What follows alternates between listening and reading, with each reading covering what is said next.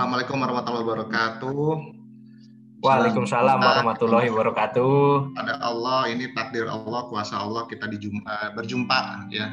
Terutama ada banyak juga yang saya kenal di sini beberapa uh, teman ada yang teman kuliah di di Arkara dulu yang belum lulus lulus juga sama kayak saya. Terus kemudian uh, uh, Pak Peri ya Pak, uh, ini saya dapat bocoran ini uh, kajiannya sudah rutin ya Pak dan Bapak ya, selalu hadir menyempatkan di antara kesibukan Bapak dari sejak April sampai sekarang. Itu betul-betul perhatiannya luar biasa dari sisi uh, hanya dari sisi ya, kebijakan, organisasi, tapi juga spiritual dari seluruh KRNB itu luar biasa. Mudah-mudahan itu jadi Bank Indonesia bukan uh, apa kan uh, uh, jadi regulator yang bagus ya, tapi di sisi lain juga uh, seluruh apa namanya yang fungsional di sana jadi apa juga makin dekat kepada Allah ya, kepada Tuhan dan juga menjadi budaya kerja yang baik. Eh, Alhamdulillah Pak. Terima kasih ini kehormatan saya diundang uh, uh, pada teman-teman sekalian. Mungkin kita langsung ya. Jadi ya silakan dong dendam mestinya jangan disimpan lah yang disimpan duit aja. Jadi iyalah itu cocok uh, cocok. Ya, jadi gini, uh, uh, Bapak Ibu sekalian, uh, kita itu memang diberikan Allah itu satu mekanisme untuk survive sebenarnya sebagai manusia.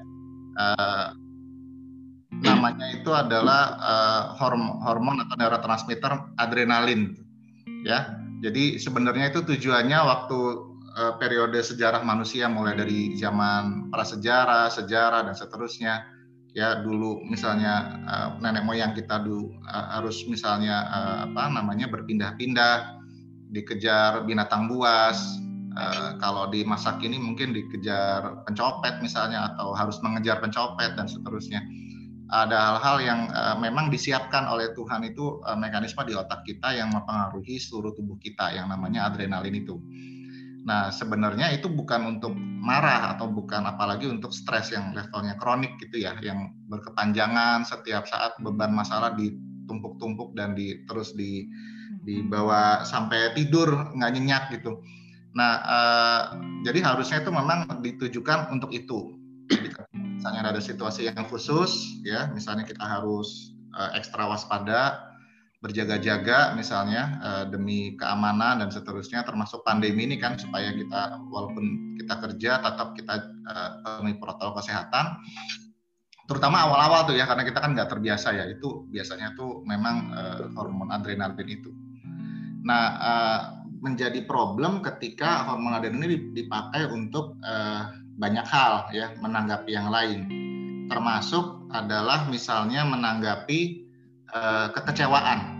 Jadi uh, maksudnya gini sebenarnya kita tuh uh, banyak sekali neurotransmitter di otak kita ya bapak ibu. Nah uh, kalau misalnya kita bicara kesuksesan ini saya bawa otak nih ya. Ada otak-otakan jadi uh, neurotransmitter itu banyak diproduksi biasanya dari batang otak kemudian ke uh, otak bagian tengah itu menuju ke seluruh uh, lapisan otak ya. Nah uh, kalau uh, adrenalin itu sebenarnya tadi sekali lagi itu untuk survival. Tapi problemnya adalah di masa kekinian kita semua sering memakai adrenalin itu untuk macam-macam. Saya pribadi mungkin dulu waktu mahasiswa juga nakal ya suka pakai adrenalin untuk uh, persiapan ujian ya pakai uh, jurus SKS tuh sistem kabut semalam dulu ya waktu zaman mahasiswa itu uh, memang adrenalin itu membuat otak kita tiba-tiba jadi cerdas cemerdas gitu tiba-tiba jadi cerdas cemerdas tetapi biasanya tidak jadi retensi ya dan kalau berkepanjangan itu malah jadi kronik gitu. Jadi uh, kita tahu bahwasanya dalam pekerjaan-pekerjaan kita kan ada deadline, yang ada ada tenggat waktu yang dipenuhi dan biasanya tenggat waktunya dekat. Uh, pada titik tertentu kemungkinan kita akan pakai itu adrenalin. Jadi uh, heartbeat atau denyut jantung kita lebih cepat, otak kita menjadi menjadi betul-betul cerdas cerdas saat itu saat uh, adrenalin dilepaskan. Nah, tetapi nggak boleh berkepanjangan. Kalau itu berkepanjangan, problemnya nanti dia adrenalin itu neurotransmitter yang kuat ya dia akan membuat uh, kebahagiaan kita menjadi turun. Kalau kebahagiaan turun tuh hormon kebahagiaan tuh serotonin ya. Itu membuat kita kacamatanya kuda sempit berpikirnya sempit Jadi semuanya tuh uh, gampang uh, apa ambang ambang apa namanya ambang emosinya atau batas emosinya menjadi rendah banget. Jadi kalau nanti ada satu kejadian apa gitu ya, misalnya kekecewaan itu ditanggapinya dengan emosional yang sebenarnya nggak perlu. Kalau di kuadran itu sebenarnya kita bicara keberhasilan tuh semestinya bukan bicara adrenalin, kita bicaranya dopamin. Jadi ada semacam uh, kepuasan yang kita dapatkan Nah, kalau kita dan, dan uh, apa namanya uh, uh, antonim atau lawan kata dari ke, keberhasilan itu adalah bukan emosi. Lawan katanya tuh kegagalan dan bagaimana mengelola kegagalan itu problemnya adalah kita kadang-kadang uh, menjadi emosional gitu. Jadi maksudnya uh, mungkin biasalah kita bekerja misalnya termasuk di BI ya, di mana pun sih saya juga sama di rumah sakit sama juga. Kita punya ekspektasi kan, tapi realitanya belum tentu sama dengan ekspektasi kita. Apa pun itu, mau sifatnya ide, mau misalnya gagasan kita di rapat, kita ingin ide kita dimenangkan karena kita anggap itu yang terbaik untuk organisasi kita, untuk bangsa, negara dan seterusnya. Ada juga nanti uh, bekerjanya sendiri gitu ya ada KPI dan seterusnya. Nah uh, ketika ketika misalnya ada diskrepansi atau jurang antara realitas sama sama apa yang kita harapkan semestinya bukan bukan masuk dalam kuadran atau box uh, amarah gitu. Karena antonimnya bukan itu Nah, uh, apalagi kalau misalnya uh, ada beberapa ya, uh, misalnya uh, apa? Uh, jadi jadi mestinya mungkin ya, mungkin kalau saya jelaskan lebih lanjut adalah yang antonim dari keberhasilan itu kegagalan sekali lagi, bukan sakit hati atau kecewa, apalagi marah. Nah, yang penting adalah boxnya itu benar gitu. Jadi ketika uh, oke okay, saya nggak berhasil, uh, saya ekspektasi, I'm expecting uh, sesuatu gitu ya tapi kemudian kita gagal, tidak harus kemudian menjadi sama dengan masuk dalam box kecewa. Apalagi kalau box-box kecewa itu atau box-box uh, amarah yang masuk dalam adrenalin itu kemudian kita masukkan di dalam sana tuh orang-orang yang tidak kita senangi, ya. Misalnya ad hominem begitu atau kebijakan yang tidak kita senangi pada box yang ancaman. Karena sebet, uh, semestinya tadi kita melepaskan adrenalin itu kalau kita merasa terancam hanya merasa terancam. Nah, kan semestinya perbedaan pendapat di rapat atau uh, atau apa pun ya demi organisasi kita punya ekspektasi beda itu bukan ancaman kan sebenarnya itu kan hanya kemudian apa yang ingin kita raih mungkin katakanlah uh, tidak sesuai ekspektasi gitu. Tapi bukan berarti itu ancaman gitu, tidak sama dengan itu. Nah, kalau kita memasukkan semuanya sama dengan ancaman, maka ya kita akan jadi emosional. Jadi uh, framework of thinkingnya adalah melihat uh, kegagalan itu manajemennya bukan dengan melihat itu sebagai ancaman. Kegagalan ya kegagalan, nggak ada masalah, terus kemudian di manage kemudian untuk mencapai keberhasilan di di di, di hari lain. Nah, uh, mungkin itu sebagai pendahuluan. Mas. Ya, uh, makasih nih Dokter Visa. Tapi kan uh, kalau boleh menanggapi nih dok, kalau kita kan sebagai manusia gitu ya kan normalnya kalau misalkan entah pendapat kita ditolak gitu ya entah atau bahkan ya. kita dijulitin atau dijahatin Julitin, itu pasti waduh. otomatis adrenalin tuh otomatis meningkat tuh dok jadi itu kayaknya nggak baik juga ya kalau gitu dok ya kita terlalu terlalu baper gitu tadi ya tapi kalau secara ya. ini ada nggak sih dok secara uh, dalam jangka panjang itu dok ada ada sesuatu nggak sih dok nanti yang bikin kita entah kata ayah anda tadi misalkan entah tambah tua tambah keriput dari sisi fisik iya, kita ya, gitu dok gimana dok Iya betul. Jadi kalau kita mempertahankan adrenalin terus yang dikeluarin tiap hari ya, itu dia uh, neurotransmitter yang sifatnya kuat. Satu-satunya yang setara sama dia itu oksitosin atau neurotransmitter cinta. Jadi kalau yang bisa ngalahin adrenalin tuh cinta sebenarnya. Jadi katakanlah kalau uh, ya kalau makanya kan kalau misalnya uh, kita kan banyak yang udah menikah ya misalnya katakanlah. Kita kan julitin istri gitu di uh, misalnya atau sebaliknya gitu ya ada konflik dengan pasangan tidak harus kemudian ujungnya berantem gitu. Ya kan beda pendapat di situ kan termasuk bahkan katakanlah ada sedikit amarah di satu sisi gitu nggak harus ujungnya berantem karena uh, ada cinta di situ yang kemudian uh, bisa mengimbangi sehingga kuat-kuatannya jadi kalah. Nah, tapi tadi pertanyaannya adalah kalau adrenalin itu tiap hari, dia tuh neurotransmitter yang kuat ya, hormon yang kuat, sifatnya itu dia bikin macam-macam ya. Pertama, denyut jantung jadi meningkat cepat, ya lebih cepat dibandingkan normal. Itu macam-macam tuh komplikasinya tuh dari jangka panjang itu darah tinggi jadinya muncul bahkan uh, darah tinggi itu nanti ke mana-mana juga. Bisa kena stroke bisa kena masalah uh, apa kebutaan ya retina itu. Bisa juga kena ginjal ya. Terus kemudian uh, dari uh, hormon ini adrenalin itu akan sangat merusak uh, keseimbangan hormon tidur ya. Jadi kualitas tidurnya nggak akan bagus. Uh, terus kemudian dalam jangka lama itu akan menekan hormon kebahagiaan sehingga jatuhnya jadi cemas, cemasan, ya uh, sama masa depan tuh uh, cemas banget gitu, semua dikhawatirin gitu. Uh, masa depan kan memang tidak pasti ya dan itu kenyataannya. That's that's the uh, ya yeah, that's the future uh, karakteristik gitu. Tapi maksudnya karakter masa depan tuh memang tidak bisa diprediksi kadang-kadang. Ya, tapi kemudian dikelolanya jadi harus cemas gitu. alih-alih mengantisipasi masa depan kita jadinya cemas saya pribadi terus terang ya sebenarnya uh, amazed ya sama uh, apa namanya ayat Quran yang menjelaskan tentang ini kan forgiveness ya memaafkan ya. Mungkin kalau saya boleh kaitin boleh nggak Mas Mas Gusti?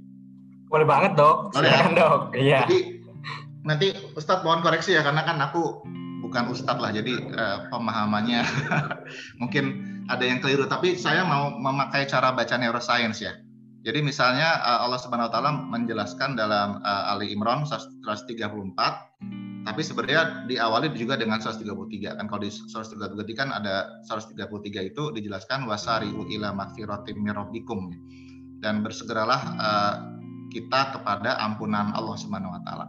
Nah, jadi ini adalah saya pernah waktu itu diminta ya bicara di UI juga di Masjid UI tentang uh, pengaruh uh, waktu itu tentang Ramadan sih. Jadi pengaruhnya uh, amal amal Ramadan itu terhadap maturasi otak itu seperti apa? Nah, yang menarik itu adalah ya kalau di kita udah kenal lah ini ayat yang sudah selalu dibaca, dibacakan Ustadz ya uh, ketika Ramadan ya. Uh, ya hilatuna amanu kutiba alaikumusiyam kama kutiba alaladina min qablikum la'allakum tatakum. Yang menarik itu adalah la'allakum tatakunnya itu. Jadi kalau kita siamnya betul, bagus ya, mestinya niscaya kita takwa gitu kan. Dan yang menarik adalah ketika kita mencari-cari ayat Quran menjelaskan karakteristik takwa itu apa gitu. Yang yang paling bisa menjelaskan definisi takwa kan ya tentu saja Quran itu sendiri ya kalam Allah sendiri atau hadis Nabi SAW. Nah dijelaskan eh, banyak di banyak ayat Quran misalnya tentang eh, misalnya di ayat-ayat awal Al-Baqarah ya uh, uh, apa hudalil muttaqin alladzina yu'minuna bil ghaibi wa yuqimuna shalah dan seterusnya. Termasuk di Ali Imran 133 134 ini gitu kan wasariul mafiratan min rabbikum wa jannatin 'arduha samawati wal ard uiddat lil muttaqin. Lalu kemudian muttaqinya kan dijelaskan di 134-nya.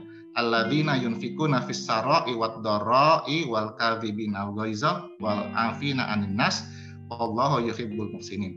Nah, yang menarik itu adalah uh, hampir seluruh ya atau seluruh bahkan saya sih yakin seluruh tapi yang sudah terbukti dalam uh, penelitian neuroscience itu hampir seluruhnya uh, karakter-karakter takwa yang di, di, dijelaskan di Quran itu uh, dalam sisi neuroscience itu mengaktifkan uh, bagian otak yang namanya prefrontal. Jadi misalnya alladzina yunfiku nafis orang yang berinfak uh, memberikan hartanya uh, di waktu lapang, wadoro dan waktu sempit ya dia punya lagi lagi punya banyak duit dia lagi sedikit duit dia tetap punya kebiasaan di maintain kebiasaan infaknya itu istiqomah lah kira-kira begitu ya. Nah itu uh, adalah prefrontal. Itu uh, ada nanti kalau bapak ibu penasaran bisa dibaca di jurnal-jurnal uh, neuroscience itu tentang charitable brain. Jadi uh, pola otak orang yang suka berderma tuh prefrontalnya berkembang dengan bagus banget ya. Terus kemudian uh, wal kadhiminal ghaiz uh, kemudian menahan amarah. Menahan amarah itu ya termasuk tadi kecewa bab, uh, apa uh, bab, menahan baper dan menahan dendam. Apalagi dendam amit amit lah ya itu adalah prefrontal banget. Prefrontal banget. Itu sudah di banyak banget di uh, penelitiannya. Masuk wal afina aninas memaafkan orang lain. Nah, jadi uh, kalau kalau dalam penelitian itu ada beberapa penelitian yang menjelaskan bahwasanya orang yang paling uh, uh, kacau ya uh, sirkuit otaknya itu adalah bukan orang yang tidak minta maaf, tapi adalah orang yang gagal memaafkan orang lain. Jadi orang yang tidak memaafkan orang lain itu lebih tersiksa secara psikis, secara ilmu otak juga neuroscience ya dibandingkan orang yang tidak minta maaf sekalipun. Jadi kan kita kadang-kadang kan persepsi sosial kita orang yang minta maaf tuh uh, bermasalah secara moral. Oke, kita boleh setuju sama itu. Tapi yang paling tersiksa dari dua orang ini, dari sisi psikisnya, itu adalah orang yang tidak mem tidak memaafkan. Orang yang paling lebih sering depresi, jadi cemas, jadi berantakan masalahnya justru adalah orang yang gagal memaafkan. Bukan orang yang gagal minta maaf. Makanya menarik dalam Quran itu justru uh, himbauannya adalah memaafkan. Memaafkan orang lain. Dan meminta maafnya adalah kepada Allah dulu. Karena nanti biasanya kalau sudah kita minta maaf pada Allah kita juga akan punya kesadaran minta maaf pada manusia. Misalnya wasariu ila satu sekali kita buat dosa apa pun itu bentuknya dalam rapat dalam kerjaan sehari-hari orang bertakwa itu punya respon time yang sangat cepat dalam hitungan sepersekian detik kalau perlu gitu. Untuk kemudian mencari maaf kepada Allah dulu tentu saja. Lalu kemudian e, diikuti pada manusia Nah, yang kedua tuh yang menarik juga adalah tentang ayat tentang memaafkan itu di Al-Hijr ayat 85. Ini menarik. Mungkin cara bacanya saya mohon dikoreksi Ustadz kalau saya salah ya. Jadi dijelaskan di ayat ini wa ma khalaqnas samawati wal arda wa ma bainahuma illa bil haqq wa inna sa'ata la'atiyat la'atiyatun fasfahis safhal jamil ya. Nah, uh, yang menarik tuh begini, ini ini kelihatannya kan nggak nyambung ya uh, mohon maaf ini kelihatannya nggak nyambung ayatnya. Maksudnya Allah menjelaskan tentang uh, apa yang uh, kebesarannya gitu ya. Kebesarannya yaitu menciptakan langit dan bumi, kemudian juga tentang mengingatkan hari hari kiamat ya. Kemudian kok ujung-ujungnya memaafkan orang lain itu kan kira-kira gimana? Mungkin nanti Ustadz bisa lebih menjelaskan. Tapi cara baca saya dari sisi uh, sebagai neuroscientist ini menarik bahwasanya Allah itu tidak mungkin uh, punya kita yakin lah sebagai orang yang beriman gitu ya Allah tidak mungkin nggak nyambung lah dalam membuat kalam ya. Uh, ini juga ada satu yang saya mau riset tapi nanti kapan-kapan kita bicara. Saya juga uh, punya riset tentang uh, uh, mungkin menambahkan tafsir tentang Al-Baqarah 12 ya. ayat awal tuh ya tentang penciptaan manusia ya. Tapi kita fokus dulu ke sini. Nah uh, yang menarik adalah begini Allah menjelaskan tentang penciptaan langit dan bumi, creation, creation. Kalau kemudian itu ditarik dari sisi kemampuan otak manusia, ada kreativitas namanya, creation dari Allah, ya proses penciptaan langit dan bumi. Maka pada manusia itu padanannya kreativitas. Tentu tidak ter, tidak tidak ada padanan, tentu kita tidak tidak sepadan yang jelas, uh, jauh lah kreativitas Allah dengan kre, uh, kreasinya Allah dengan kita tentu tidak layak dipadankan, tapi kata, katakanlah refleksinya demikian. Lalu kemudian dijelaskan tentang uh, tentang kiamat yang pasti datang. Ya, uh, wa inna sa'ah la'atiyatun ya, la'atiyah gitu ya. Sesungguhnya kiamat itu pasti datang. Kiamat itu kan di masa depan ya, tentu kita belum ada yang mengalami kiamat. Nah, uh, padanan refleksi kemampuan otaknya manusia itu adalah forecasting atau memprediksi predicting the future. Ya. Nah yang menarik kemudian ma maafkan pada manusia nah uh, maafkan uh, manusia-manusia yang lainnya uh, semuanya lah kira-kira demikian. Nah yang menarik adalah kemampuan memaafkan itu sudah banyak penelitiannya di, baik di dunia psikologi maupun neuroscientist ya. Karena sama-sama nanti meningkatkan aktivitas prefrontal ketika kita mampu memaafkan orang lain menjadi kemudian tidak baperan, dendam, apalagi kecewa sama orang lain, hilang semua itu, ya e, ternyata kalau misalnya sebaliknya, maksud saya, jadi kalau misalnya sebaliknya kita gagal memaafkan, dendam itu muncul, baper itu muncul, e, dengan adrenalin itu berlebihan di otak kita, itu menyumbat kemampuan-kemampuan kita kreatif.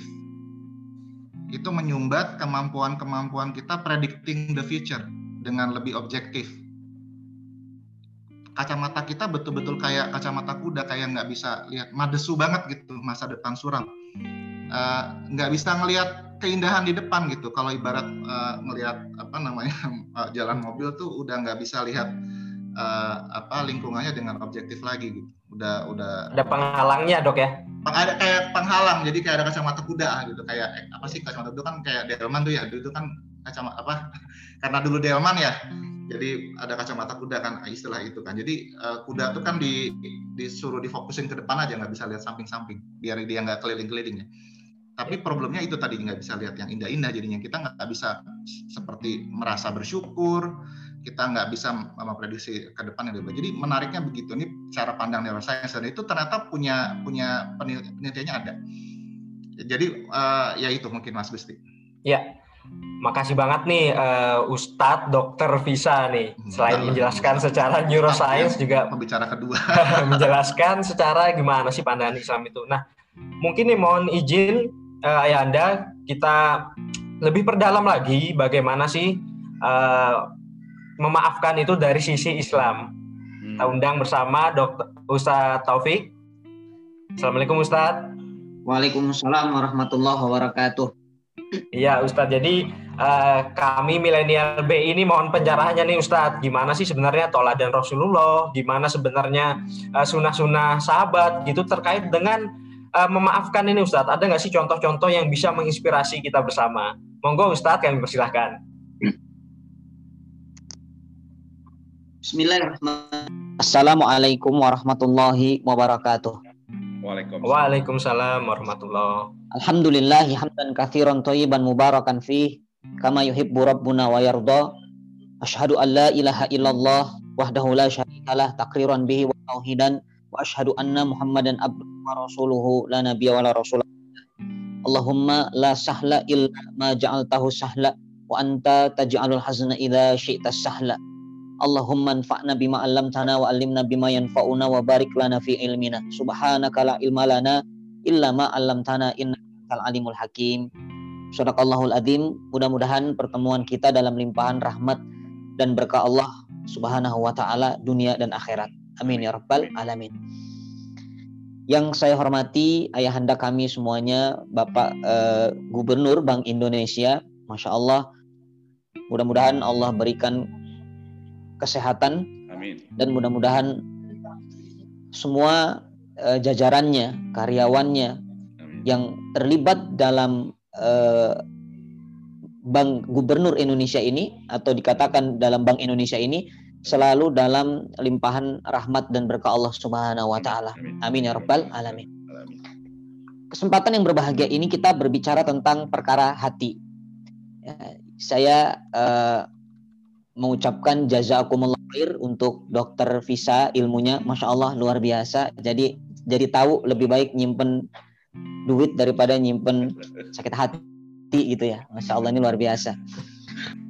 Nah, sahabat-sahabat milenial dari eh, Bank Indonesia ini kalau kita membahas tentang perkara hati hati itu memang perkara yang sangat besar dan sangat serius untuk diperhatikan. Ini nggak main-main. Rasulullah SAW mengatakan tolak ukur rusak dan hancurnya daripada seluruh anggota tubuh kita ini tergantung daripada hati kita. Sampai Rasulullah mengingatkan, "Ala inna fil jasadi mudghah.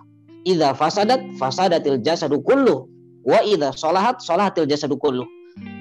Sesungguhnya dalam diri manusia ini ada segumpal darah. Kalau segumpal darah ini baik, semua akan beres. Kalau satu ini rusak, semua akan bermasalah. Apa kata Nabi? Ala wahya al-qalb itu adalah hati. Nah, inilah hati kita yang mengendalikan apa pun keadaan dalam kehidupan kita. Bahkan kalau teman-teman melihat Al-Quran, Allah tidak pernah bersumpah dengan makhluknya yang paling banyak kecuali dalam urusan hati. Coba nanti dibuka surah Asyam. Ya, surah Asyam, Allah dari awal Allah katakan wasyamsi wa duhaha wal qamari idza talaha wan nahari idza jallaha wal laili idza yaksaha was samai wa banaha wal ardi wa matahaha wa nafsi wa masawaha fa alhamaha fujuraha wa taqwaha qad aflaha man zakkaha dari sekian banyak sumpah yang Allah ungkap dari wasyamsi wa duhaha. Terus sampai ujung Allah hanya ingin mengatakan wa nafsi wa masawaha qad aflaman zakah.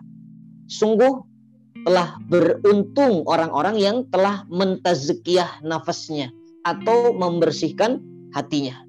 Jadi orang yang beruntung kata Allah ukurannya adalah orang yang hatinya bisa dibersihkan. Dari apa? Dari segala macam penyakit hati. Termasuk masalah apa? Masalah pelit dalam urusan memaafkan orang lain. Saya tanya sekarang, jujur, mana lebih susah? Minta maaf atau memaafkan? Mana lebih sulit?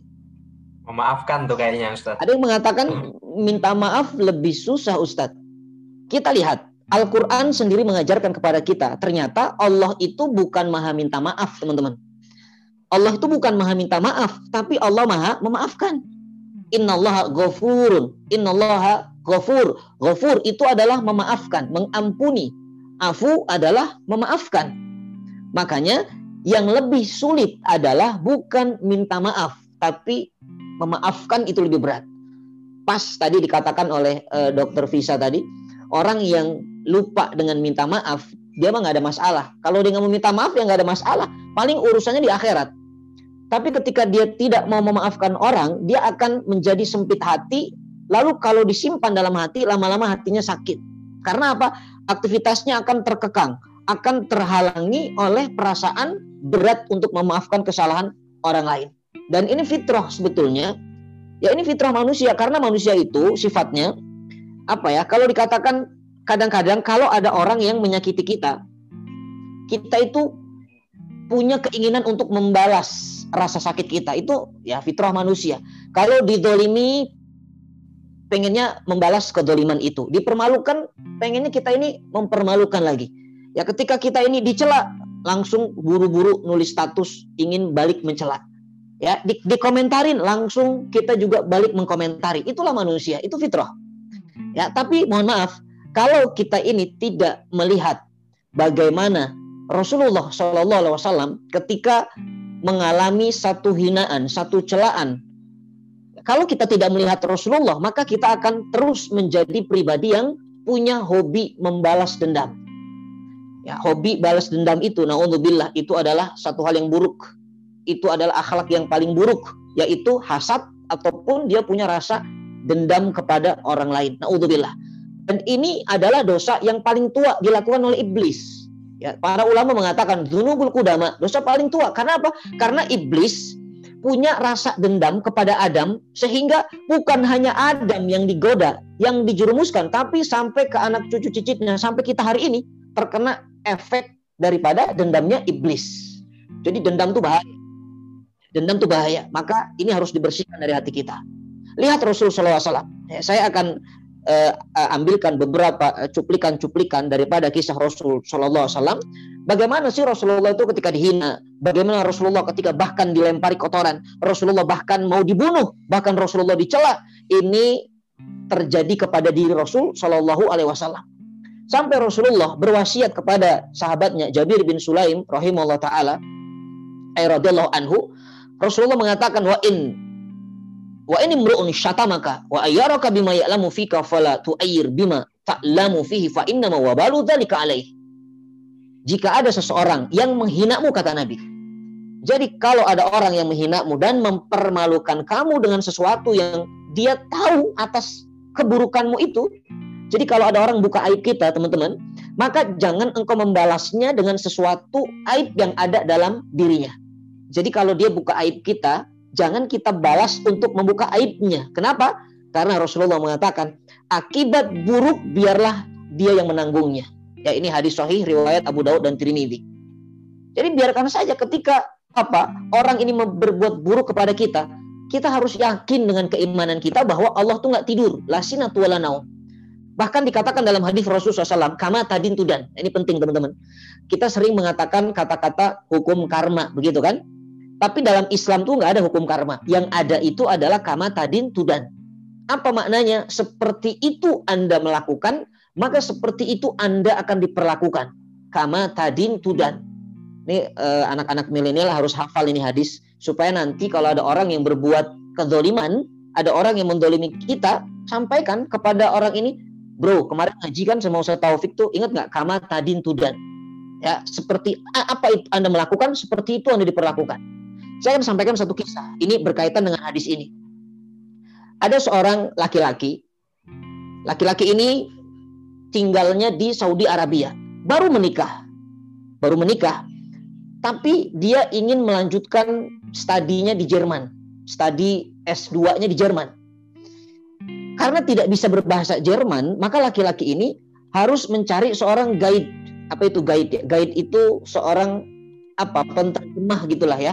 Ketika di Jerman harus punya guide supaya dia bisa mudah berbahasa Jerman atau dia mudah untuk berkomunikasi di sana. Nah, singkat kisahnya, seorang suami yang baru menikah ini dia izin kepada mertuanya. Dia bilang begini, e, wahai ayah, saya ini mau ke Jerman, saya izin ya, minta ridhonya, dan saya titip istri saya ini uh, kepada ayah. Saya titipkan istri saya kepada ayah. Lalu ayah mertuanya mengatakan, loh, Fulan, yang harus menjaga istrimu itu ya kamu, bukan bapak. Bapak ini kan cuman orang tuanya, kamu ini suaminya, kamu harus menjaga. Apa kata laki-laki ini? Dia bilang, bapak, kan saya di Jerman, bapak yang ada di rumah. Ya saya titip istri saya kepada bapak tapi bapaknya mengatakan enggak enggak enggak bisa enggak bisa. Pokoknya yang jaga istrimu itu ya kamu bukan bapak. Tapi ini anak yang taat kepada orang tuanya, dia enggak mau mempermasalahkan ini. Dia bilang, oh ya sudah pak, saya izin, saya ingin berangkat ke Jerman, minta ridhonya. Sepanjang jalan, laki-laki ini merenung, dia berpikir ini maksudnya apa ya? Kok bapak ini aneh ya? Saya mau ke Jerman tapi disuruh jaga istri. Ini pertanyaan terus dalam hatinya. Kemudian singkat kisah berangkat laki-laki ini ke Jerman. Allah. Sampai di Jerman, benar teman-teman, di sana jumpa dengan seorang guide dan guide-nya itu perempuan. Guide-nya perempuan. Di hari pertama, di minggu pertama biasalah datang ketemu di kampus komunikasi belajar bahasa Jerman ya ikut ke mana ke mana meng mengawal daripada perjalanan seorang suami baru menikah ini. Tapi berjalannya uh, waktu satu bulan lama-lama satu mobil berangkat bareng satu mobil. Berjalan waktu lagi satu tahun, akhirnya bukan hanya satu mobil, tapi tinggal satu rumah. Berjalan waktu bukan hanya satu rumah, tapi tidur satu kamar, tapi tidak zina. Ya, bisa dipahami ya. Jadi awalnya hanya ketemuan, lalu satu mobil, kemudian satu rumah, satu kamar, tapi tidak zina. Berjalan selama dua tahun. Singkat kisahnya pulanglah laki-laki ini ke rumahnya Saudi Arabia. Masya Allah. Begitu pulang ke rumah, apa yang terjadi? Bapak mertuanya ini mengatakan, nak duduk sini nak, bapak mau bicara. Kamu ini jujur, kamu di Jerman itu punya guide ya. Guide kamu itu perempuan ya.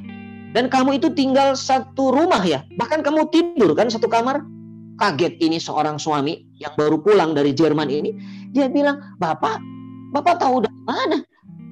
Saya memang punya guide Ya, saya juga tidur tapi tidak zina. Bapak tahu dari mana? Gak ada orang yang pernah melihat saya. Bahkan saya tidak pernah posting di sosial media saya. Bapak tahu dari mana? Apa jawaban bapak mertuanya? Dia bilang, nak, bapak tahu kamu di Jerman seperti itu karena di sini istrimu tidur bersama supirnya. Allahu Akbar. Kama tadin tudan. Seperti itu Anda melakukan, seperti itu Anda diperlakukan. Inilah Islam.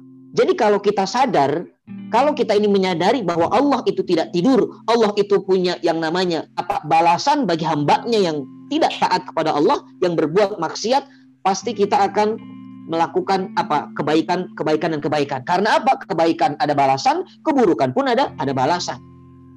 Nah inilah yang harus kita pahami sebagai pondasi. Maka Rasulullah mengatakan jangan dibalas keburukan orang itu. Kalau memang anda sakit hati tersinggung dengannya, jangan baper. Ya, baper itu boleh kalau kita baper meninggalkan sholat itu bagus. Baper belum nikah nikah itu boleh. Ya, baper kita ini kok nggak pernah apa nggak pernah ada hafalan Quran dalam satu hari ini ya itu baper. Jadi bawa perasaan kita ini ke tempat-tempat yang positif. Karena ingat, kalau Anda sedih, Anda ini kecewa, ketika Anda ini apa dimarahin bos misalnya, Anda ini ketika uh, diturunkan pangkat misalnya jabatan, Anda sedih, maka Quran mengingatkan Selalu kalimat-kalimat sedih Allah gunakan dengan kalimat negatif. La tahzan, la tahzan innallaha ma'ana. Jangan sedih, jangan baper kata Allah. Selalu orang-orang yang sedih lihat Quran. Beberapa ayat mengatakan la tahzan, la khaufun alaihim wa lahum yahzanun. Ya, selalu kalimatnya adalah kalimat himbauan untuk tidak bersedih. Artinya Islam menginginkan kita ini hidup bahagia. Ya, seperti yang dikatakan ayah kita tadi. Jadi yang namanya bahagia itu sumbernya di hati. Makanya mustahil seseorang bisa bahagia kalau yang dilihat itu hanya dunia saja. Karena dunia itu tidak akan pernah abadi. Kalau dunia masuk ke dalam hati, ini kecelakaan. Makanya kebahagiaan orang beriman itu adalah ketika dia mendapatkan apa? Mendapatkan satu kenikmatan dari Allah, rizki dari Allah yang mengantarkannya kepada takarub kepada Allah. Itu yang membuat kita bahagia. Kita ketemu teman-teman di Bank Indonesia ini orang-orang saleh, ketemu alhamdulillah masya Allah uh, ayah kita ini gubernur Bank Indonesia pun solehnya luar biasa. Masya Allah, ini satu karunia Allah. Dan ini yang harus membuat kita ini bahagia. Lalu apa yang kita sedihkan? Apa yang kita ini baperkan? Ya, jadi ini sebagai apa pondasi. Nah, pertanyaannya sekarang, mungkin teman-teman mau tahu, memang ada contoh dari Rasulullah. Ada nggak contoh dari Rasulullah bagaimana ketika Rasulullah menghadapi daripada celaan dan hinaan? Lihat, Rasulullah itu sudah di stempel dalam Quran kata-katanya laqad lakum fi rasulillahi uswatun hasanah dan telah ada dalam diri Rasulullah suri toladan yang baik. Saya akan ambil satu contoh saja. Ini sangat luar biasa. Rasulullah itu teman-teman tahu peristiwa Taif itu peristiwa yang sangat-sangat tidak pernah hilang dari memori Rasulullah. Bahkan Rasulullah kalau ditanya sampai ketika Rasulullah bersama para sahabat sudah menguasai Mekah, Rasulullah kalau ditanya, ya Rasulullah apa yang membuat Anda paling sedih? Rasulullah mengatakan bukan wafatnya istrinya tercinta, bukan. Bukan wafatnya apa? Uh, bukan pamannya yang wafat Abu Talib. Tapi yang membuat Rasulullah sedih adalah Taif, Taif dan Taif. Tiga kali Rasulullah menyebutnya. Peristiwa Taif. Bayangkan Rasulullah dari Mekah berangkat ke Taif, perjalanan 80 km kurang lebih. Tapi sampai di sana bukan disambut, tapi disambit oleh orang-orang Taif. Kebayang nggak dilempar batu, dilempar kotoran, dihina, diusir, Bahkan Rasulullah sampai berlari Taif 5 km. Sampai akhirnya Rasulullah duduk di sebuah kebun milik Utbah. Lalu Rasulullah apa meminta kepada Allah dengan doa yang dikenal dengan doa ul mustadifin. Masya Allah, doa yang apa di, digunakan untuk orang-orang yang sedang lemah saat itu. Rasulullah mengatakan Allahumma ini asku dha'fa quwwati wa ya Rasulullah ya Allah aku mengadukan apa kurang maksimalnya dakwahku dan aku mengadukan kepadamu bahwa aku ini sedikit sekali usahaku dan lemahnya kekuatanku. Itulah kerendahan Rasulullah. Jadi Rasulullah menggambarkan kepada kita bahwa dendam itu bukan solusi, teman-teman. Dendam itu bukan solusi. Rasulullah ketika keluar dari Taif sampai di kebun milik Utbah, Rasulullah didatangi oleh malaikat penjaga dua bukit saat itu. Apa yang ditawarkan? Rasulullah ditawarkan, "Ya Rasulullah, kalau Anda mau, aku akan angkat dua bukit yang ada di sekitaran Taif ini, aku lemparkan kepada penduduk Taif agar mereka hancur binasa. Apa kata Rasulullah? Lastu la'anan. Wahai malaikat, aku ini bukan diutus untuk melaknat. Aku ini diutus untuk rahmatan lil alamin. Ya, bahkan Rasulullah mendoakan kepada eh, orang-orang Taif, apa kata Rasulullah? Ya Allah, semoga seluruh penduduk Taif, generasi Taif yang hari ini yang hari ini durhaka kepadaku, hari ini mengusirku. Semoga ke depan menjadi orang-orang yang taat kepada Allah, mentauhidkan Allah. Itu doa Rasulullah. Maka sampai hari ini kita boleh cek 100% penduduk Taif semuanya adalah muslim. Masya Allah. Ini karena akhlak Rasul Shallallahu Alaihi Wasallam.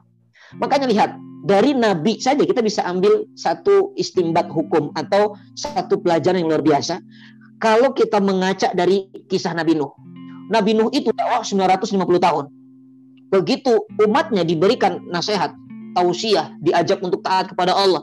Umat Nabi Nuh itu sangat parahnya luar biasa. Tutup telinga, bahkan menghina Nabi Nuh, mengatakan Nabi Nuh gila, bahkan memukul Nabi Nuh sampai pingsan. Tapi Nabi Nuh di ujung kalimatnya, Nabi Nuh mengatakan apa? Rabbi la tadarni fardan eh, mohon maaf Rabbi la tadar alal ardi minal kafirina dayyara ya Allah jangan sisakan satu orang kafir pun di atas muka bumi ini. Maka tidak heran ada banjir bandang Nabi Nuh semuanya habis semuanya kecuali yang ada di atas kapalnya Nabi Nuh.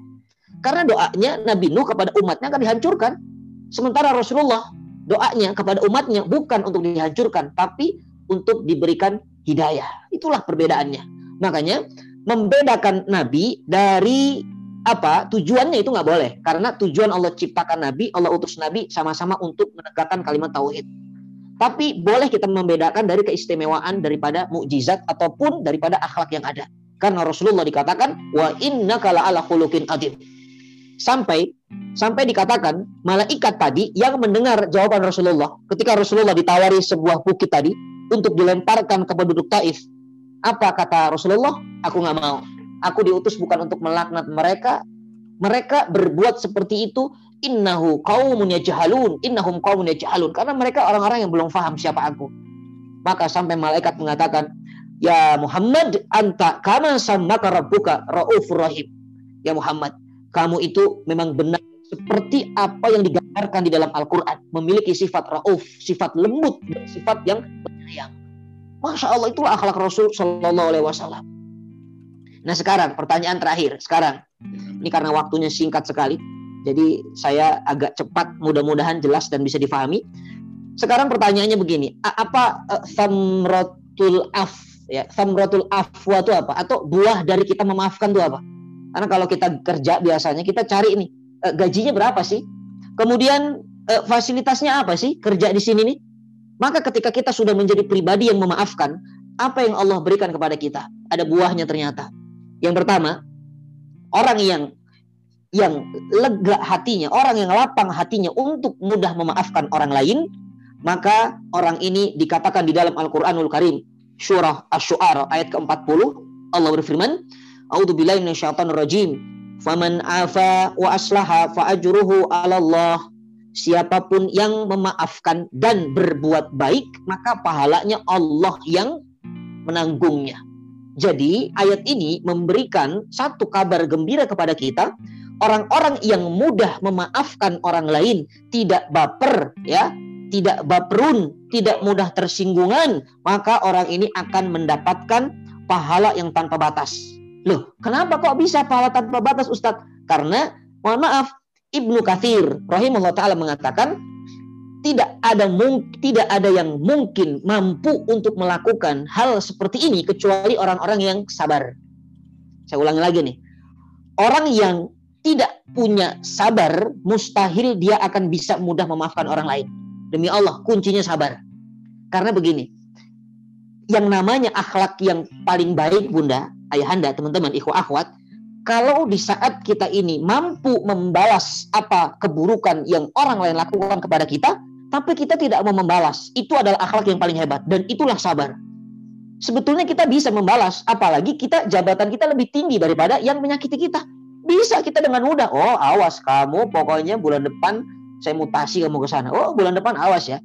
Kita sebagai seorang leader, supervisor misalnya, sementara kita punya bawahan atau anak buah kita itu bikin ulah terus.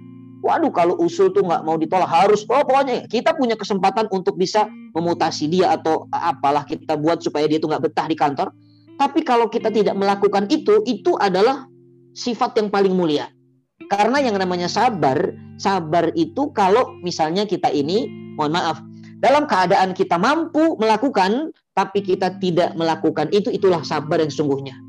Dan pahala sabar itu tanpa batas. Inna Allah mengatakan innama yuwaffas sabiruna ajrahum bighairi hisab. Sesungguhnya Allah akan memberikan pahala bagi orang-orang yang sabar tanpa ada hisab. Kenapa? Karena sabar itu tanpa batas. Ya, ulangi lagi nih. Kalau kita sering mengatakan sabar itu ada tempat, sabar itu ada batasnya, itu pertanyaan pernyataan yang keliru. Maka yang paling tepat adalah sabar itu bukan ada batasnya, tapi sabar itu ada tempatnya. Itu benar. Jadi sabar itu ada tempatnya. Ya, bukan sabar ada batasnya. Sabar itu tanpa batas. Kenapa? Karena pahala sabar tanpa ada batas. Bagaimana mungkin sabar ada batasnya sementara pahalanya tanpa ada batas? Maka ini yang pertama yang harus kita pahami. Ternyata orang-orang yang mampu memaafkan orang lain, maka orang ini akan mendapat pahala tanpa batas. Masya Allah. Itu yang pertama. Yang kedua, orang yang mampu memaafkan orang lain, mudah memaafkan, maka orang ini akan apa menjadi orang yang dikatakan memiliki husnul khuluq. Husnul khuluq itu akhlak yang terbaik. Dan husnul khuluq ini adalah salah satu pemberat timbangan kita kelak di akhirat. Jadi dua yang memberatkan timbangan kita, takwa Allah wa husnul huluk. Takwa kepada Allah dan akhlak terbaik. Dan akhlak terbaik itu, budi pekerti terbaik ternyata ketika kita mampu memaafkan orang lain. Ya, dalam perkataan uh, Al-Qur'anul Karim ya, ayat uh, 134 surah Ali Imran, A'udzubillahi minasyaitonirrajim. Alladzina yunfikuna fis sarra'i wad dharra'i wal kadhiminal ghaid wal afina 'anin nas wallahu yuhibbul muhsinin. Nah, yaitu orang-orang yang menafkahkan hartanya di waktu lapang maupun di waktu sempit dan orang-orang yang menahan amarahnya dan memaafkan kesalahan orang, Allah menyukai orang-orang yang berbuat kebaikan.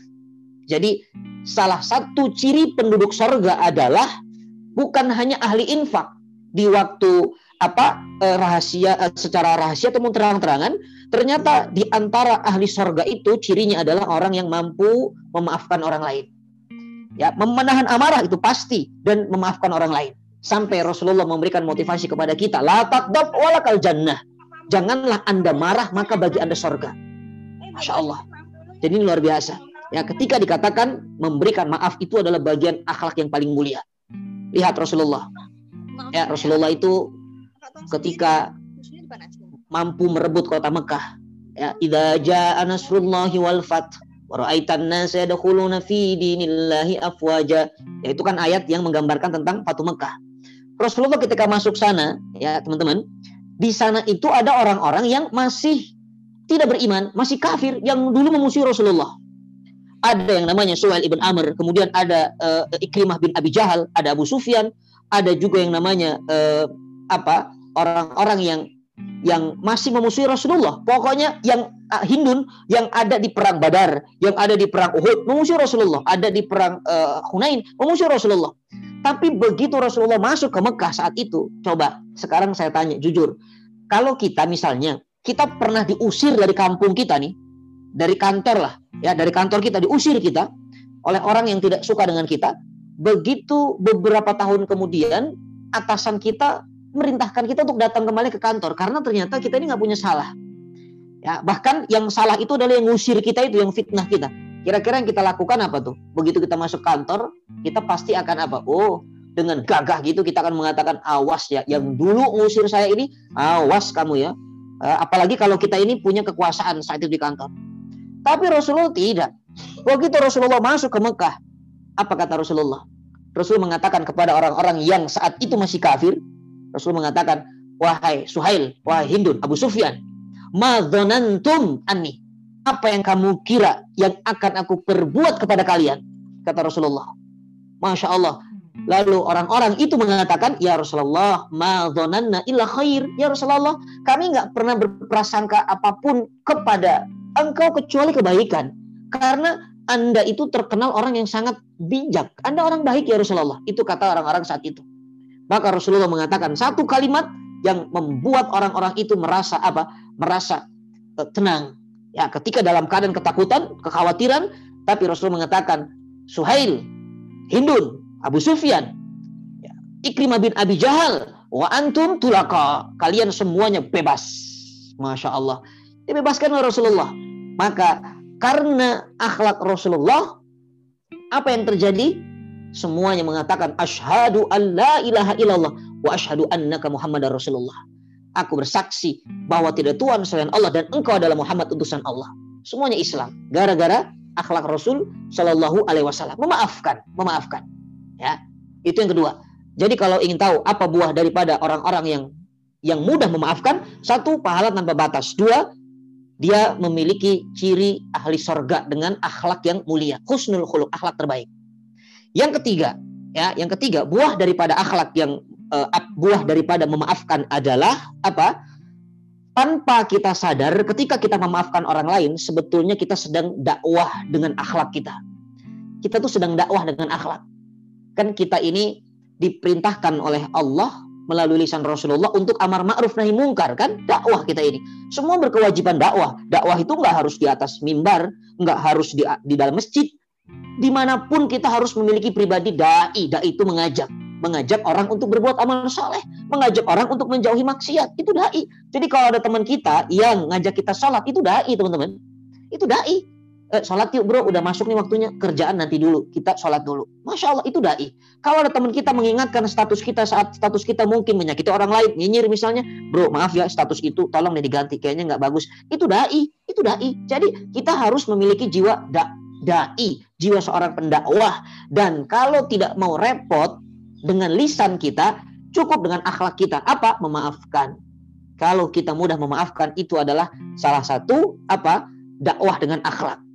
Lihat Rasulullah lagi. Contohnya nggak ada yang paling keren kecuali Rasulullah memang.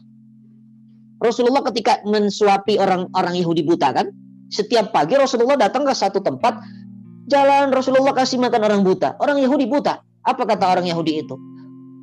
Fulan, kamu itu hati-hati ya, jangan sampai ikut agama Muhammad. Muhammad itu sesat, Muhammad itu junun, majnun, gila. Kalau kamu ikut Muhammad, hati-hati kamu bisa tersesat. Padahal yang memberikan makan itu adalah Rasulullah Shallallahu Alaihi Wasallam.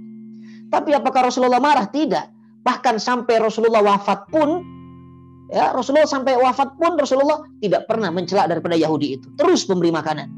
Sampai akhirnya suatu hari Rasulullah sudah wafat.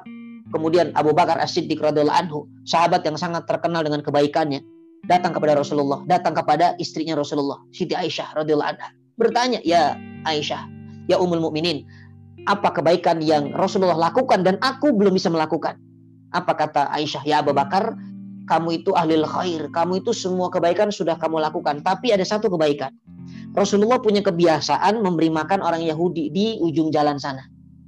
Maka Abu Bakar segera bergegas melakukan apa yang sudah dilakukan Rasulullah. Begitu sampai di sana, apa yang terjadi? Orang Yahudi itu mengatakan, Fulan hati-hati ya, jangan ikut Rasulullah. Rasulullah jangan ikuti Muhammad. Muhammad itu sesat, Muhammad itu gila. Kalau kamu kenal Muhammad, dekat Muhammad, kamu akan gila, kamu akan sesat. Abu Bakar menangis. Masya Allah, ternyata selama ini yang dilakukan oleh orang Yahudi buta ini menghina Rasulullah. Begitu Abu Bakar memberi makan kepada Yahudi ini, apa kata Yahudi ini? Fulan, kamu siapa? Kamu siapa? Kamu berbeda cara memberi makannya dengan dengan orang yang kemarin. Apa kata Abu Bakar? Orang yang biasa memberikan Anda makanan sudah wafat. Itulah Muhammad yang setiap hari Anda hina. Subhanallah. Tanpa berlama-lama Yahudi buta itu tersungkur gara-gara akhlak Rasul SAW. Dengan akhlak itu bisa dakwah teman-teman. Dengan memaafkan itu bisa dakwah. Bahkan Rasulullah ketika keluar dari rumah selalu diludahi kan oleh orang-orang kafir itu. Diludahi Rasul, diludahi Rasulullah. Tapi begitu yang meludahinya nggak ada, absen, apa yang dilakukan Rasulullah? Rasulullah mencari, loh, mana orang yang biasa meludahi aku kok nggak ada? Apa kata para sahabat ya Rasulullah? Dia sakit. Kita umumnya kalau kita mengalami hal seperti ini, mana yang suka ngeludahin saya? Kok nggak ada? Sakit ya, syukurin. Itu kalau kita. Tapi Rasulullah tidak. Rasulullah bergegas pulang ke rumah, mengambil makanan, lalu diberikan kepada orang yang biasa meludahinya. Dan apa yang terjadi? Orang yang biasa meludahi Rasulullah, mu'allaf, bersyahadat. Karena akhlak Rasulullah. Itulah para sahabat. Bagaimana mencontoh akhlak Rasulullah.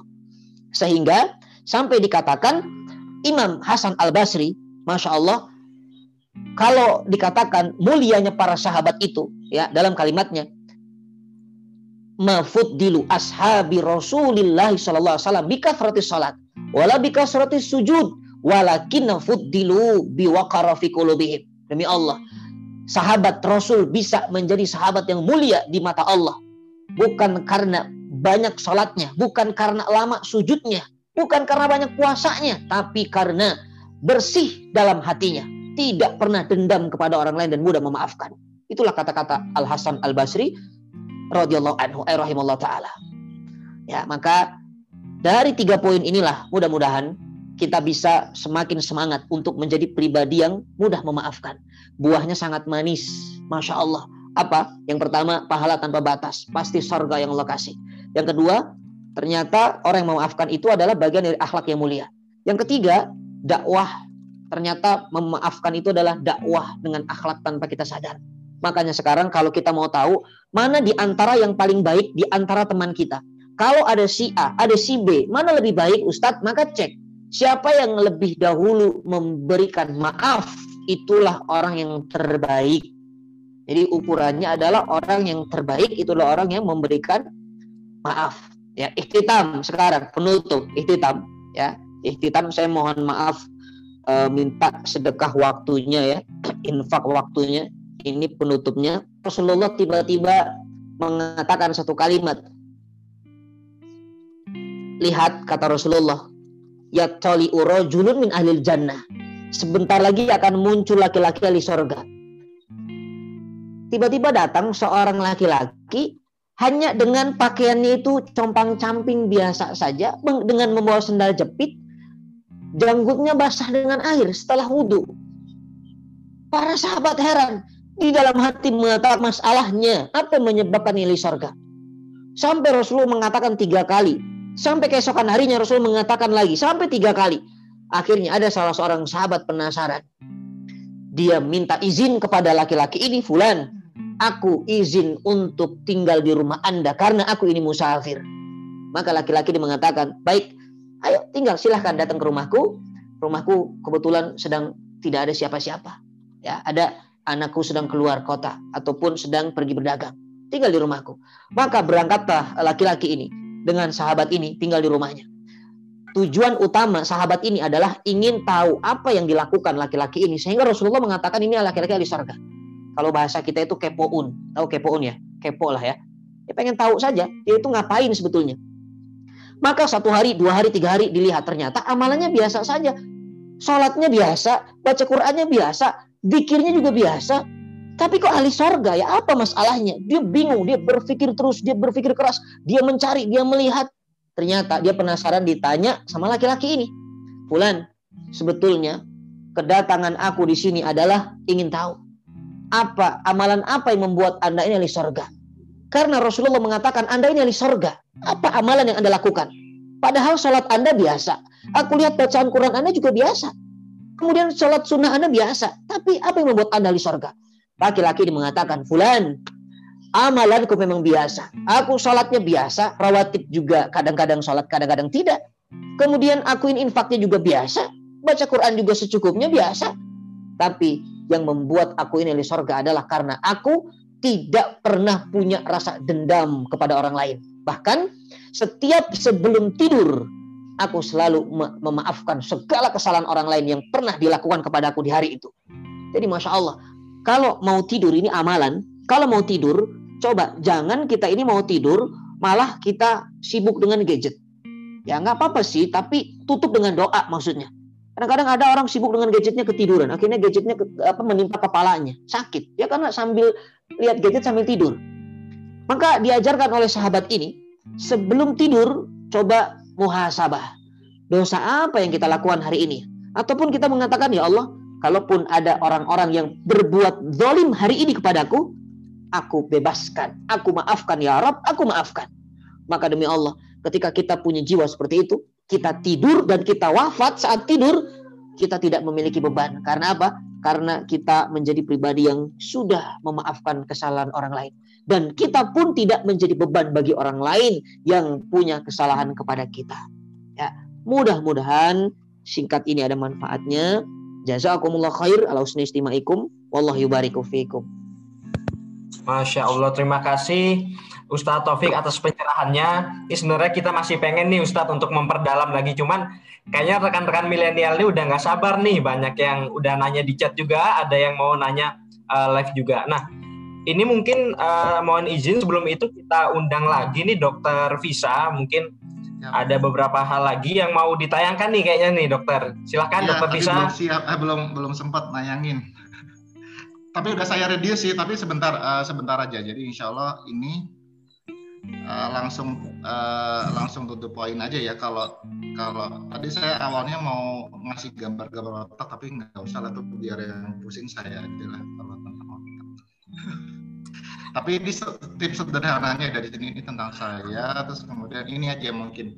Tadi sudah saya jelaskan bahwa mekanisme otak untuk marah ini kalau di sini sumbu X ya. Sumbu X. Eh sorry kuadrannya itu beda. Jadi kalau kita gagal atau tidak sesuai iya. harapan itu uh, apa namanya uh, lawan katanya tuh bukan harus marah gitu ya itu lebih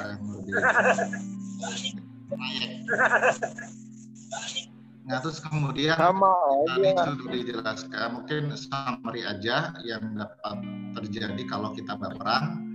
Yang pertama ya karena semakin meledak-ledak norepinefrinnya. Nah, yang membuat ambang emosinya rendah, mudah terpicu apa pun uh, penyebabnya.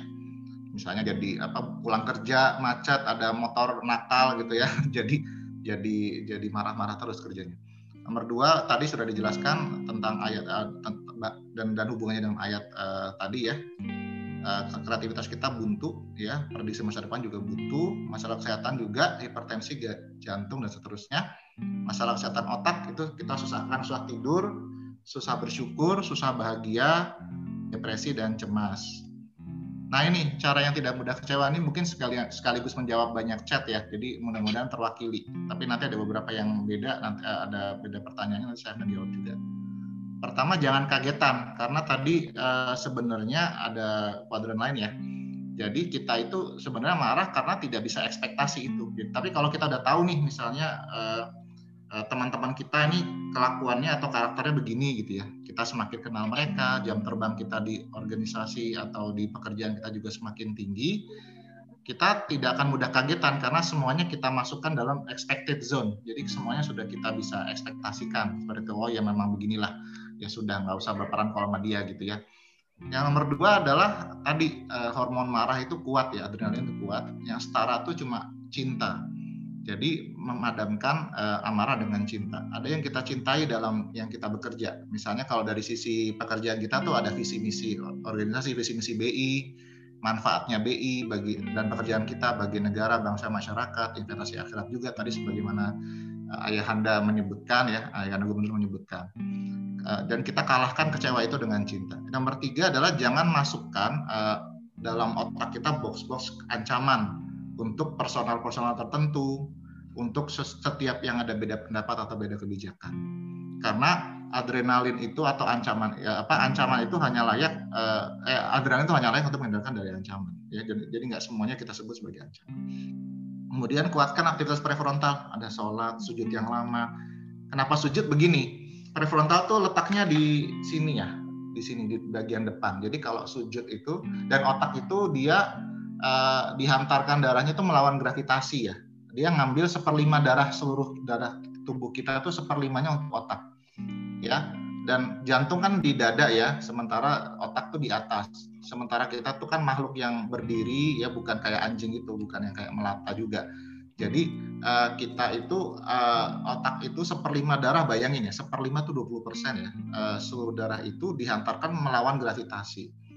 Nah saat-saat di mana sujud kita tuh membuat prefrontal ini yang aslinya sehari-harinya tuh paling jarang kena darah.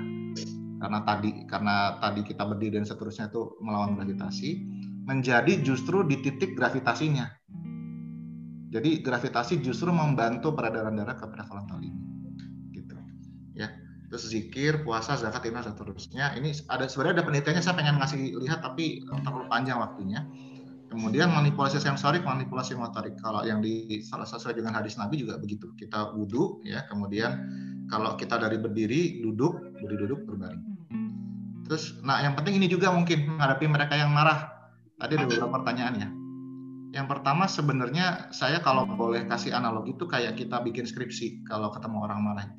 Jangan langsung kesimpulan, meskipun kesimpulannya benar. Misalnya, ah, lu tuh kurang bersyukur, lu tuh nggak beriman lu apa coba bayangin banyak yang nggak keterima di pegawai BI lu bersyukurlah mungkin betul mungkin betul. Kesimpulannya mungkin betul. Tapi jangan menjadi step pertama ketika kita memberi saran pada orang yang marah. Jadi ibarat kita bikin skripsi itu kan atau tesis tuh kita bab satu dulu pendahuluan. Jadi kita ventilasi dulu hadirkan ventilasi yang masih terjadi. Oh kenapa kamu marah? Kenapa? Oh tadi rapat sama ini apa direksi ini masalah ya? Oh gitu. Kamu punya harapan oh kamu punya harapan begini-begini tapi kebijakannya rapatnya begitu. Nah, gitu dulu itu dulu. Jadi ventilasinya biar keluar dulu. Jadi ketahuan pendahuluannya. Kemudian baru masuk ke bab 2 atau metode-metode nah met eh, bab 2 atau bab 3 ya. Kalau bab 2 kan bisa tinggal bab 3 itu metode? Nah metode itu tips-tips Salah satunya adalah tips neuroscience itu tadi dari saya jelaskan tadi ya, misalnya diminta wudhu dulu ya tadi, kemudian apa tadi macam-macam tadi ini yang ini banyak nih ya. Nah terus kemudian uh, jangan langsung pada pokok masalahnya dulu, nggak ada masalah. Misalnya udah wudhu dulu deh, yuk uh, tarik nafas dulu, tenang dulu ya, misalnya gitu. Nah terus yang ketiga kita harus paham orang marah tuh pandangannya berkabut, dia nggak bisa toleransi dengan banyak ide. Nah kita lenyapkan dulu kabutnya, jadi jangan langsung dipaksakan ide kita tuh masuk ke dia, nggak akan mungkin ide itu diserap sama orang yang marah. Jadi lenyapkan dulu kabutnya, kita hadirkan pandangan-pandangan yang baik dan seterusnya. Kira-kira gitu mungkin uh, tips dari saya. Saya kembalikan ke Mas Gusti. Ya, Masya Allah, terima kasih nih Dokter Visa. Kayaknya juga udah cukup menjawab ya pertanyaan uh, rekan-rekan milenial di kolom chat. Nah, selanjutnya mohon izin ayah Anda, kita mempersilahkan uh, rekan-rekan milenial nih yang mau menanyakan secara live. Yang pertama mungkin uh, kami persilakan dulu kepada Mas Adam Satrio dari KPWBI uh, Jawa Timur. Silakan Mas Adam. Halo. Ya, Mas Adam udah kedengaran. Uh, Assalamualaikum warahmatullahi wabarakatuh.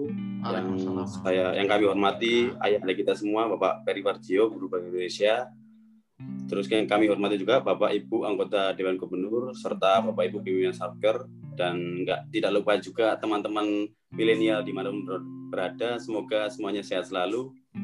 Eh, mohon izin Pak Ustadz dan Pak Dokter, saya Adam dari Kantor Perwakilan Bank Indonesia Jawa Timur.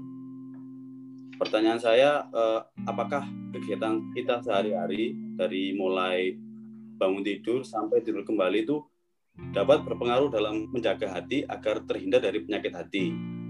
Itu yang pertama. Dan bagaimana tipsnya nih agar tetap istiqomah dalam menjaga aktivitas yang dijauhkan dari penyakit hati, Pak. Itu. Terima kasih atas kesempatannya. Mohon dijawab, Ustadz. Wassalamualaikum warahmatullahi wabarakatuh. Waalaikumsalam warahmatullahi wabarakatuh. Makasih Mas Ada. Mungkin selanjutnya yang kedua Nih Mas Anton udah bersiap nih, Mas Anton dari Departemen Komunikasi. Monggo Mas Anton silahkan. Ya, Assalamualaikum warahmatullahi wabarakatuh. Waalaikumsalam warahmatullahi wabarakatuh. Yang kami hormati Ayanda Gubernur Bank Indonesia Pak Peri Warjio uh, dan Ustadz dan dokter yang saya hormati. Makasih Ustadz dan dokter ini tadi tausiahnya yang mencerahkan ya uh, saya mau bertanya kepada dokter sebenarnya. Jadi gini dok, uh, kan ada hadis yang menyebutkan bahwa kita itu tidak boleh marah lebih dari tiga hari. Nah, hmm. saya mau bertanya, apakah uh, waktu tiga hari itu adalah batas waktu maksimal yang bisa ditoleransi oleh otak atau tubuh kita ya dok? Uh, karena marah. Itu aja sih dok pertanyaannya. Terima kasih Mas Gusti atas kesempatannya. Ya. Baik, makasih Mas Anton.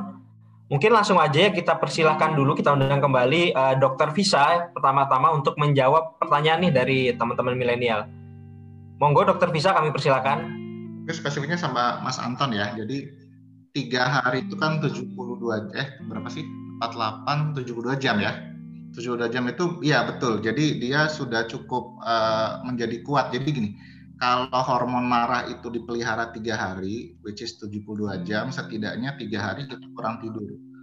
Uh, kemudian itu menjadi sakit yang jelas. Itu karena memang betul hormon marah itu kalau meledak-ledak itu dia mer, uh, nanti ya penjelasannya agak rumit ya, tapi dia men, menekan hormon yang untuk melatonin untuk tidur, uh, oreksin dan seterusnya lah itu penjelasan biologis banget lah. Tapi intinya tidur pasti bermasalah. Yang kedua adalah uh, detak jantung kita menjadi lebih cepat dalam 72 jam. Jadi tentu tidak akan baik ya. Dan yang ketiga yang penting itu dia akan memberikan kaskade efek gitu. Kaskade efek di otak itu dia akan menjadi semakin marah dan marah. Makanya tenggat waktu yang diberikan Nabi Wasallam itu ya bagus banget. Jadi artinya uh, bagaimana dalam tiga hari itu kita mencari metode-metode entah itu curhat sama orang. Nah, tapi orang yang curhatnya juga itu juga tadi jangan langsung bab 5 jangan langsung bab kesimpulan ya. Bab satu dulu ya dikasih ventilasi dulu dan seterusnya untuk kemudian selesai masalahnya. Ya itu penting sih. Setuju. Masya Allah terima kasih nih Dokter Visa mungkin uh, selanjutnya untuk pertanyaan dari Mas Adam kita bisa persilakan nih Ustadz Taufik bagaimana sih caranya supaya kita bisa istiqomah uh, terjauhkan dari penyakit hati. Silakan Ustaz Taufik. Baik, uh, bismillah. uh, aktivitas keseharian kita itu sangat bisa mempengaruhi uh, hati ya. Karena tadi Rasulullah mengatakan kalau hati ini rusak maka semua akan rusak. Kalau hati beres semua akan beres. Dan hati itu sendiri bahasa Arabnya itu adalah kolbun. Kolbun itu artinya sebetulnya adalah sifatnya. Karena suhu latu dia mudah bolak balik itulah hati makanya ada orang dia paginya senyum sorenya marah. Paginya dermawan sore hari pelit ya itu karena namanya hati. Nah makanya Rasulullah mengajarkan kepada kita agar bisa istiqomah menjaga penyakit hati pastinya adalah dengan merendahkan hati kita. Ya artinya jadilah pribadi yang tawadu.